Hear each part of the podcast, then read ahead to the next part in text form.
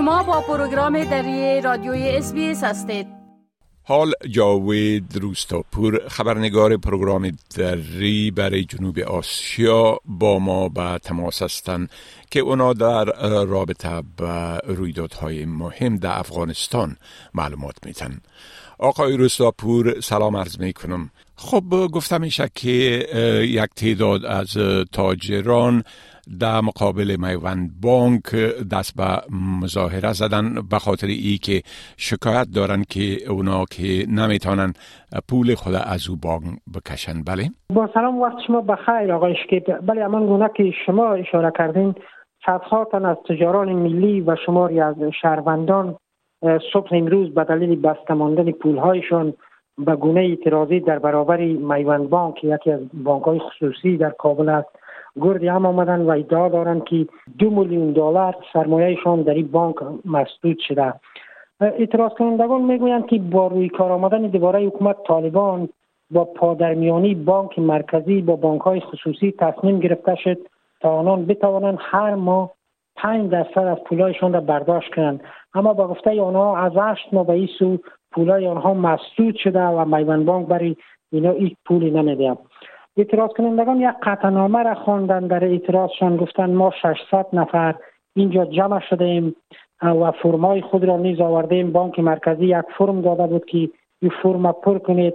ما چند بار آن را پر کردیم اما میوان بانک پولای ما را نمی‌دید اینا میگن که اعتراض کنندگان همچنان گفتن که چندین بار به اداره بانک مرکزی رفتن و با مقامات طالبان مراجعه کردن و با وا صحبت کردن. ولی برشان وعده داده شده بود که ما کار شما را اجرا می‌کنیم تا پولایتان را بگیرین. ولی فقط وعده داده شده بود و در عمل حکومت اصلا به مشکلات از یار رسیدگی نکرده. رئیس اتحادیه بانک های خصوصی اما گفته که مشکل مربوط به بانک های خصوصی و میوان بانک نمیشه بلکه مشکل مشکل بانک مرکزی است.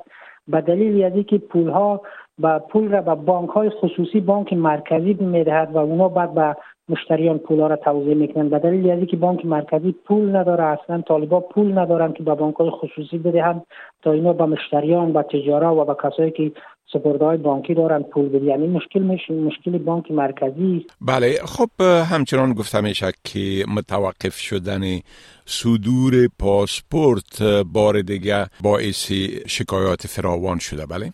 بله متقاضیان پاسپورت گفتند که با گذشت حدود دو ماه از توقف روند توزیع پاسپورت توزیع پاسپورت همچنان متوقف است و طالبان هر روز بهانه می‌کنند که مشکلات تکنیکی وجود داره و به زودی برطرف می‌شد سه کتگوری از افراد به پاسپورت بسیار جدی نیاز دارند که یکی کسایی هستند که بیمار دارند یک عضوی از خانوادهشان بیمار است یا خودشان بیمار هستند و بیماری یا در افغانستان قابل تداوی نیست و مجبورن به یکی از کشورهای همسایه به خصوص پاکستان یا هند بروند. ولی اینا میگن ماهاست که انتظار می‌کشن ولی با وجود که فرم پاسپورت را پر کرده بودن ولی توزیع پاسپورت همچنان متوقف است.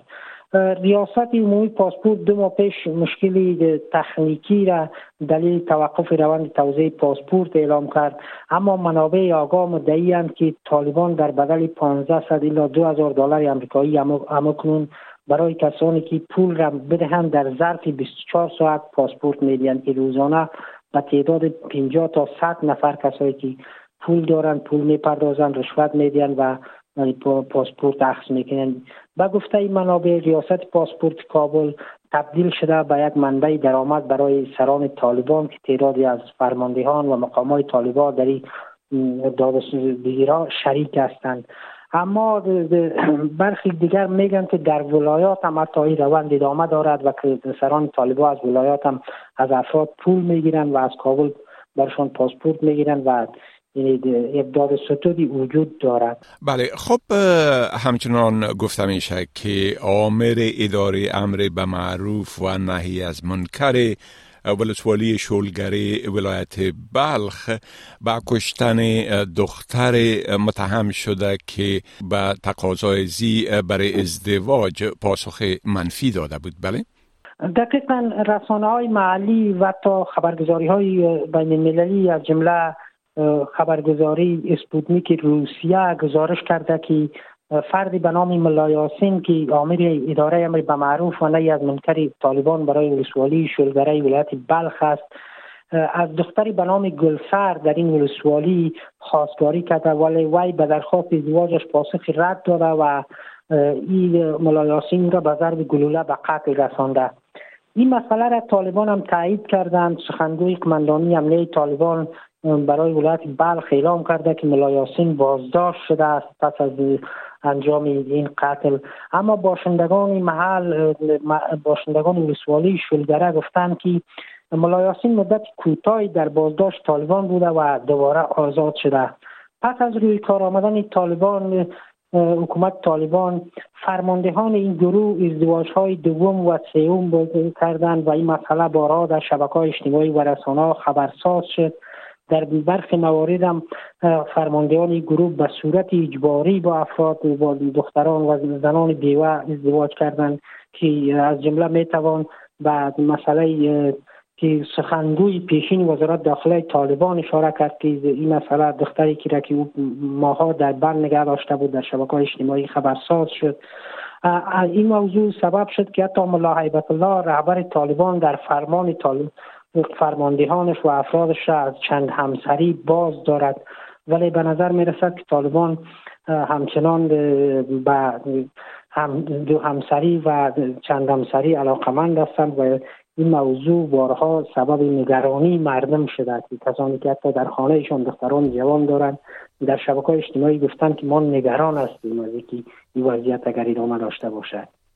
بله خب آقای روستاپور از این معلوماتتان بسیار تشکر و فعلا شما را به خدا می سپارم و روز خوش برتان آرزو می کنم وقتی شما هم خوش خدا حافظ ناصرتان.